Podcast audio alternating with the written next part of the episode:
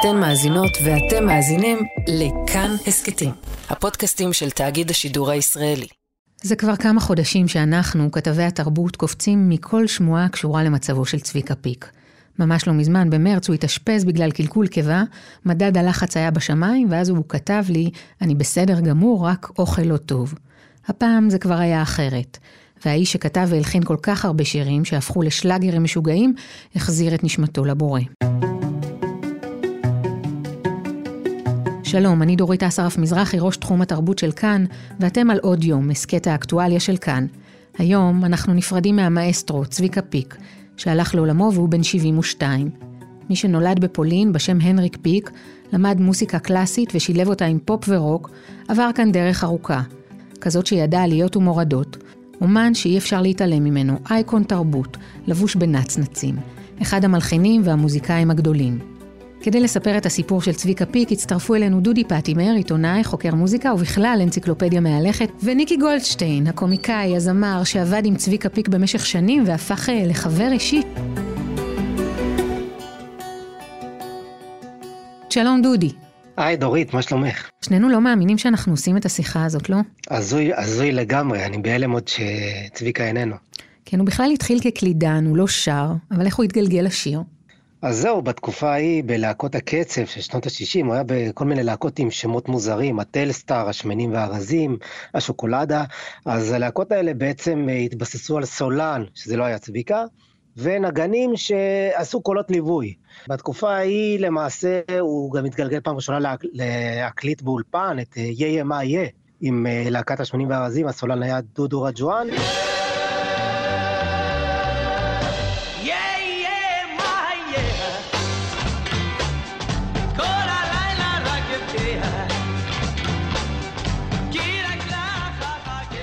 והוא בעצם רק עשה את ה... יא, רקע כזה, אבל uh, הוא התגלגל לשיר תכלס בשוקולדה, כש... זו הייתה שלישייה שבנויה על ההרמוניות קוליות, גבי שושן, שוקי לוי והוא, ואז בעצם uh, הוא התחיל עוד להתבטא כאחד מבין uh, קולות, אבל הוא קיבל את הסולו בשיער, זה בעצם הייתה התגלגלות שלו מקלידן לקדמת הבמה כפרונטמן. הקול שלו לא היה מספיק טוב לפני זה? אה, הקול שלו, האמת, היה מענפף. אה, גבי שושן, זכרו לברכה, אמר לי שבהתחלה לא נתנו לו לשיר, כי הוא לא שר, הוא זייף. כי הוא מוזיקאי מבריק, אבל כזמר הוא עדיין היה צריך, אה, היה טעון שיפור, מה שנקרא. הוא בעצמו סיפר לי על זה שהוא הלך לפתח, לפתח את זה, להתאמן, ללמוד, כי בהתחלה באמת הקול שלו נשמע פחות, פחות טוב, בעברית לפחות. אז מה בעצם היה כל כך מיוחד בו כמוזיקאי? אה, האמת שקשה לנתח את זה ככה לפרטי פרטים, אבל אה, ההשפעות שעליהן גדל זה בעצם מה שאיחד אותו, כי הוא גדל בבית אה, פולני, שבגיל 6 כבר שולחים את הילד ללמוד בקונסרבטוריון מוזיקה קלאסית על פסנתר. אגב, בלהקות הוא גם ניגן גיטרה, ו... ובשלב מסוים כבר הוא שמע את הביטלס והבי ג'יז שמאוד השפיעו עליו, והרולינג סטונס וכל הרוק אנד רול הזה, ובעצם אה, הקטע, השילוב בין מוזיקה קלאסית לבין פופ ורוק שהוא מאוד אהב, יחד עם הפרפורמנס שלו, עם הגלם, עם האיפור והנצנצים והפייטים וכל השואו, כל זה יצר uh, סוג של תמהיל שהוא אך ורק צביקה פיק. הוא ידע באמת לקחת מנגינה מורכבת מאוד של מוזיקה קלאסית. אל תגידי כן ואל תגידי לא אל תחפשי את הסוף. ולהנגיש אותה למיינסטרים, זה משהו שלא עשו עד אז אה, בישראל, וכך הוא היה פורץ דרך אה, בכל אה, פרמטר. אונייה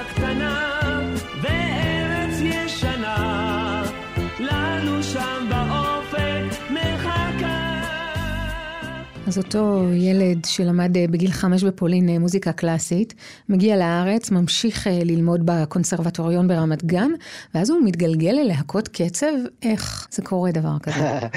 בתקופה ההיא, בשנות ה-60, אמצע שנות ה-60, כל, בעצם כל נער שידע לנגן על אקורד אחד על גיטרה, או שלא לדבר על קלידים במקרה של צביקה, אבל הוא התחיל כגיטריסט דווקא, הלך ללהקת קצב, כי כולם רצו להיות הביטלס הבאים. הוא פגש בקונסרבטוריון ובכלל בחברותא את שוקי לוי, שחי הרבה שנים בארצות הברית, היה לו קריירה בצרפת, שוקי ואביבה, ו, ובעצם שוקי מניע את כל העניין של להקים להקה, והם מקימים את הטלסטאר, שאפילו זוכה בשנת 68 במקום הראשון בתחרות להקות קצב בנתניה. וצביקה לא שר כאן, כן? ו- ובעצם uh, הוא התגלגל דרך זה שכל הנערים הכירו אחד את השני, ו- וגם אם לא ידעו לנגן, יאללה. אבל הוא ידע לנגן, כי היה לו רקע קלאסי, אז דוקטור ג'קיל ומיסטר הייד. כלומר, בקונסרבטוריום היה ילד טוב, הוא ניגן מוצרט ובטהובן, ובמועדונים הוא שר אה, אה, I can get no satisfaction, ניגן כאילו. כשהוא יצא לקריירת סולו, ושר כל מיני שירים, שני תפוחים וכולי. אדומים, נפלו על דשא רך.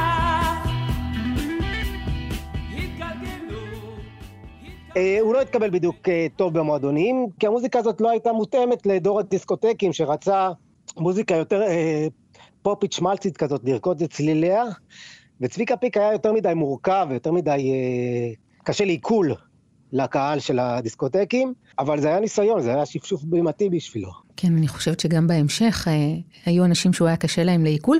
ב-1970 בעצם אה, הגיעה הפריצה הגדולה של צביקה, הוא מלוהק לתפקיד קלוד במחזמר שיער, והופך אה, לכוכב אמיתי.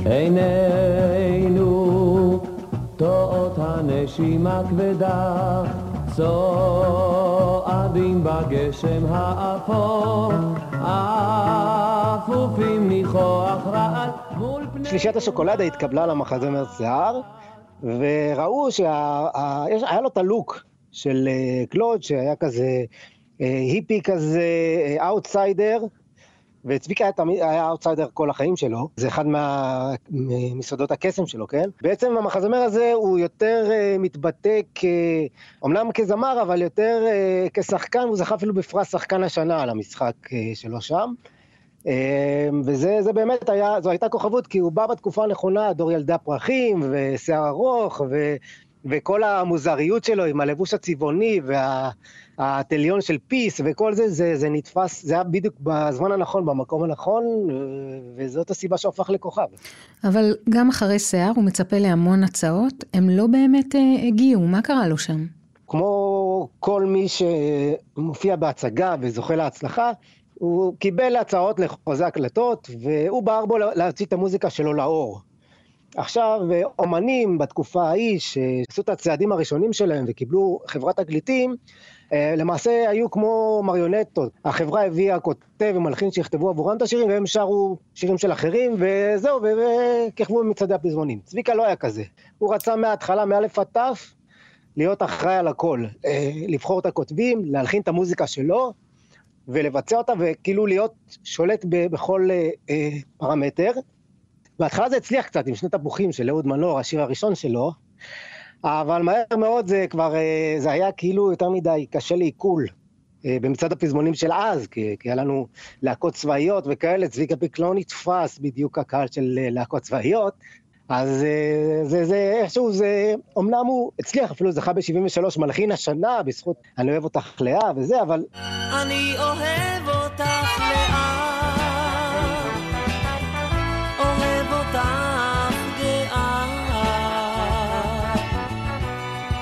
אם אשכח אותך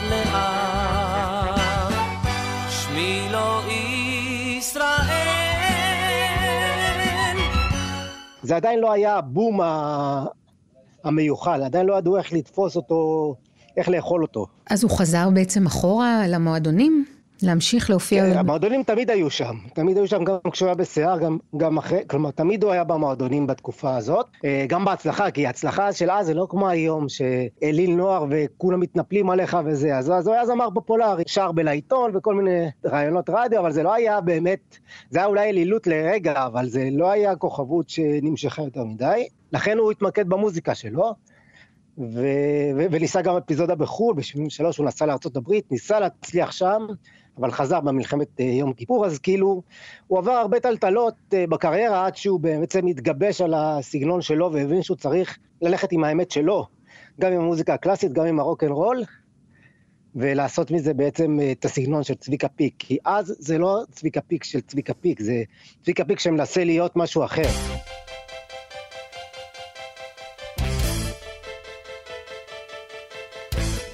אז מה בעצם הביא אותו בהמשך אה, להפוך למיינסטרים? אה, שירי המשוררים במילה אחת, כלומר, הוא התחיל אה, לפלרטט עם שירי המשוררים עוד בש... בתחילת שנות ה-70, אבל זה נתפס בהתחלה כ... כמשהו יותר מדי אוונגרדי. לא קיבלו אז אה, בטוב ש... שמישהו בא ושר רוקנרול עם אה, שירים של אלתרמן או צ'רניחובסקי. העובדה שאנחנו אחרי מלחמת יום הכיפורים, משהו בתפיסה הישראלית השתנה.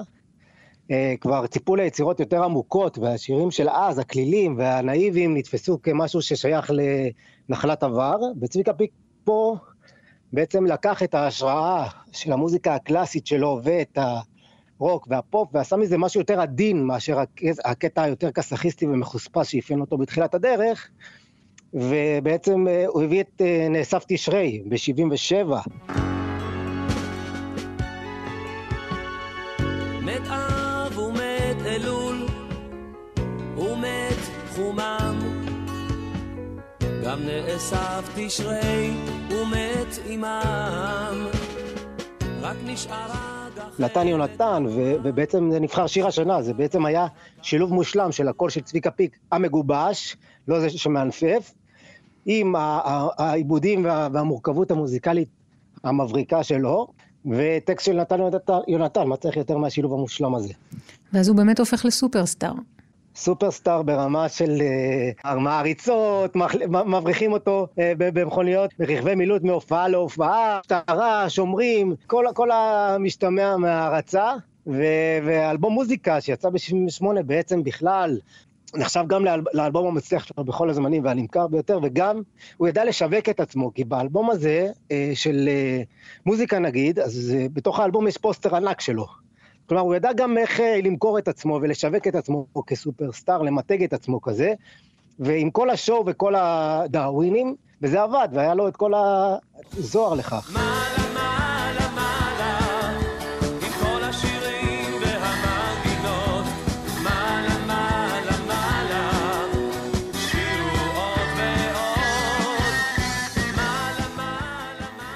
אבל לא כולם ידעו איך לבלוע את האיש הגדול עם הנצנצים, השיער הארוך, הוא גם הגדיל ובמהלך השנים הוסיף את המשקפיים הכהים, לא כולם אהבו זה את זה. נכון, זה, זה נכון, אבל אני מניח שזה מה שהפך אותו לכזה מפורסם, זה שלא ידעו לאכול אותו. אה, יש כאלה שהריצו אותו ויש כאלה שלא הבינו מה הדאווין שלו. הוא אהב את, ה, את הדברים האלה, הוא אהב את המיתוג של הסופרסטאר, ולא ידעו לאכול אותו בגלל הדבר הזה. כן, לא מעט עליות ומורדות, אבל אה, אז הגיעה דיווה. הדיבה זה הקאמבק המושלם, כלומר, זה התחיל עוד בתחילת שנות התשעים עם אה, אה, השיתוף פעולה שלו עם נושא המקבט, אה, עם הלגור איתו, שיר אפרחה, שלקח את זה לקטע של רוק כבד, שמזכיר קצת את צביקה פיק של המועדונים של שנות ה-70, אבל זה היה כמובן עדכני לניינטיז. לא האמנתי שכך אפשר לאהוב ופתאום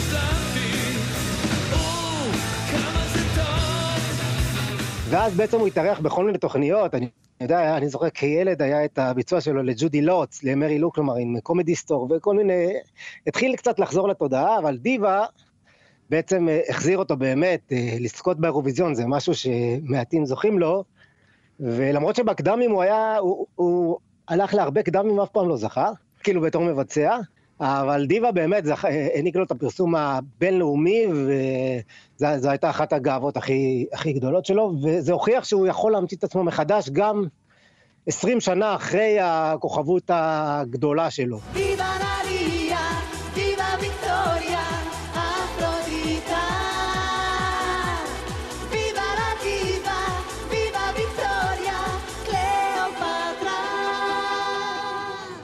מה המורשת המוזיקלית שהוא מותיר אחריו בעצם? דבר ראשון, שירים שלא ינוס ליחם לעולם, קלאסיקות שדורות על גבי דורות, ילדים וגדולים וכולם גדלים עליהם. אה, הוא גם, המורשת שלו, אנחנו רואים אותה בכל אומני הפופ שאנחנו שומעים היום, אה, נועה קירל, אלה-לי, כל אלה. השילוב הזה בין אה, פופ ורוק עם כל מיני אלמנטים אחרים, נגיד היום זה היפ-הופ או טראפ וכולי, אבל זה משהו שצביקה פיק היה מהראשונים לעשות בעברית, לשלב בין מוזיקה אחת לסגנון אחר, ו- וזה משהו שתמיד אה, אנחנו נשמע, את- תמיד נשמע איזה צליל של צביקה פיק ב- בכל השירים, הלהיטים החמים היום, כי אין מה לעשות, הוא היה מלך הפופ, ו- והוא הגדיר מחדש את הפופ בשנים שזה לא היה מקובל, ונתן לזה את הלגיטימציה. לגיטימציה שאנחנו רואים אותה פורחת במיוחד בשנים האחרונות. הוא כבר הציע לנועה קירל לשתף פעולה לאירוויזיון, אז אולי אה, פספסנו את השיר הזוכה באירוויזיון הבא. יש מצב, יש מצב גדול. דודי פטימר, עיתונאי וחוקר מוזיקה, תודה שהיית איתי היום. תודה לך, דורית. תודה רבה.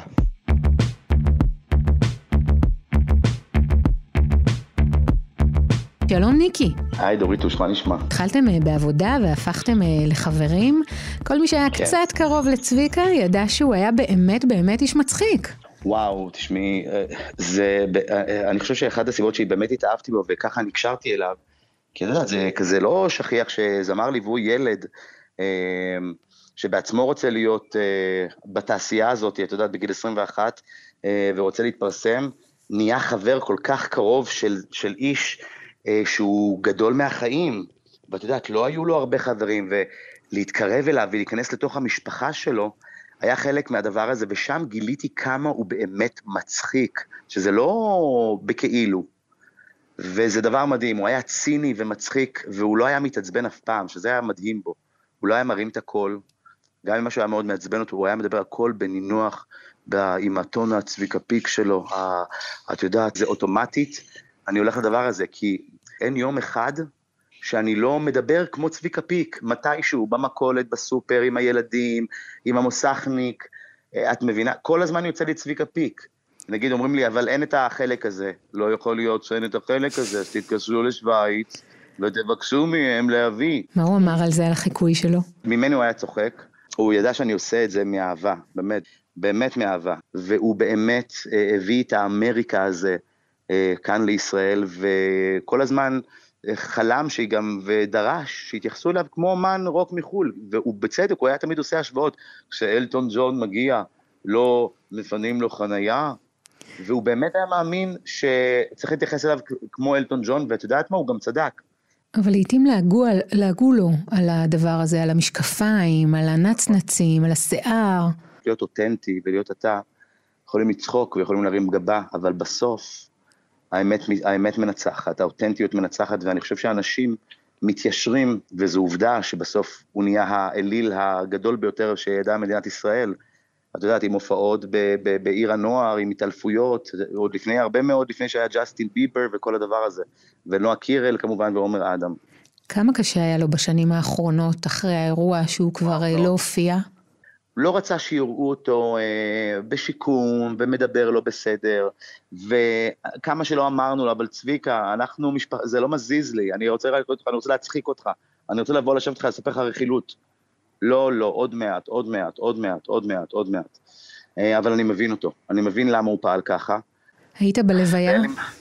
כן, כן, לפני שעתיים חזרתי מאוד מאוד עצוב, מאוד מאוד מאוד מאוד עצוב. לא האמנתי שזה קורה, לא האמנתי שזה, זאת אומרת, כאילו, תמיד ראיתי אותו כמשהו שהוא נצחי, שלא יכול להיות. שהוא לא יהיה פה. זה לא, לא, כאילו, את מבינה מה אני אומר? באמת, איש ממש. גדול מהחיים שמאוד אהב תקשורת, מאוד, ה- היו לנו יחסים נהדרים איתו, הוא באמת היה מאוד מאוד נגיש. פתאום Mm. אה, לוויה ללא תקשורת. מוזר קצת, לא? תראי, אני לא יכול לשפוט אה, אף אחד, ואני יכול להבין אה, משפחה. יכול להיות מאוד בגלל דווקא שהוא היה כוכב רוקסטאר, אה, הם רצו משהו יותר אה, אינטימי ומשהו רק בח- בחיק החברים. ואת יודעת, אה, אי אפשר לשפוט אף אחד, ולהבין, ולנסות להבין. אם הוא היה צריך אה, לתכנן את הלוויה של עצמו, איזה שיר הוא היה שם, אתה וואו. חושב? זה היה נראה לי אני חושב שמת מסיבה. אב ומת אלול. כן? מת אב ומת אלול בהתחלה, בסוף, זאת אומרת, אה, שישימו את אה, דיווה. הוא בטוח היה רוצה דיווה. דיווה הייתה גאווה מאוד גדולה שלו, ואני כל כך שמח שהוא זכה באירוויזיון. ואת יודעת, היום בדיוק שאלו אותי, למה הוא כל כך אהב אירוויזיונים?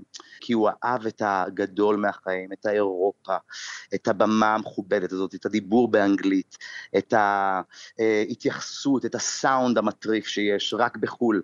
ואת זה הוא אהב מאוד, ואת השירים הגדולים האלה. ובזה לא רק שהוא אהב, הוא היה גאון, דורית, הוא פשוט היה גאון.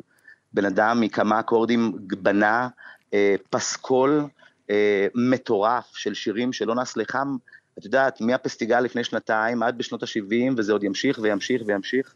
אה, וזה דבר מדהים, ואני חושב שהוא צריך להיות מאוד מאוד מאוד מבסוט מהדבר הזה. ומאושר מזה. יש לך איזה סיפור קטן אה, שהוא ממש שלך ושלו? כן, אני, רק, יש לי מלא סיפורים, אני רוצה לספר לך סיפור קצר, ששרונה או דניאלה ילדה בן, אני חושב שהראשונה שילדה זו הייתה שרונה. אז uh, הייתי בחזרות לאיזה מופע חנוכה, אני חושב, וזה היה כתוב באינטרנט, אה, שרונה וצביקה פיק, אז צלצלתי אליו, אז הוא אומר לי, כן, אני כל כך אהבתי את הכן שלו, את ה"הלו", זה כל כך יחסר לי, ה"הלו", ה"הלו" הזה, הבשרי הזה. ואמרתי לו, ש... מזל טוב, סבא צביקה. שקט, דורית, שקט. ניקי, זה ששרונה ילדה עכשיו ילד, לא עושה אותי סבא. אוי ואבוי לך אם עוד פעם תגיד לי סבא. אז אמרתי לו, אבל, אבל זה הנכד שלך, אז מה? אני אבא של האימא שלו, אני לא סבא. תפסיק לקרוא לי סבא, ואם תגיד לאנשים שאני סבא, אוי ואבוי לך. בשיא הרצינות. הוא בהחלט יחסר, מאוד יחסר. לכולנו, אני חושב. ניקי. גולדשטיין, תודה רבה לך שדיברת איתי. תודה לך, דורית. תודה.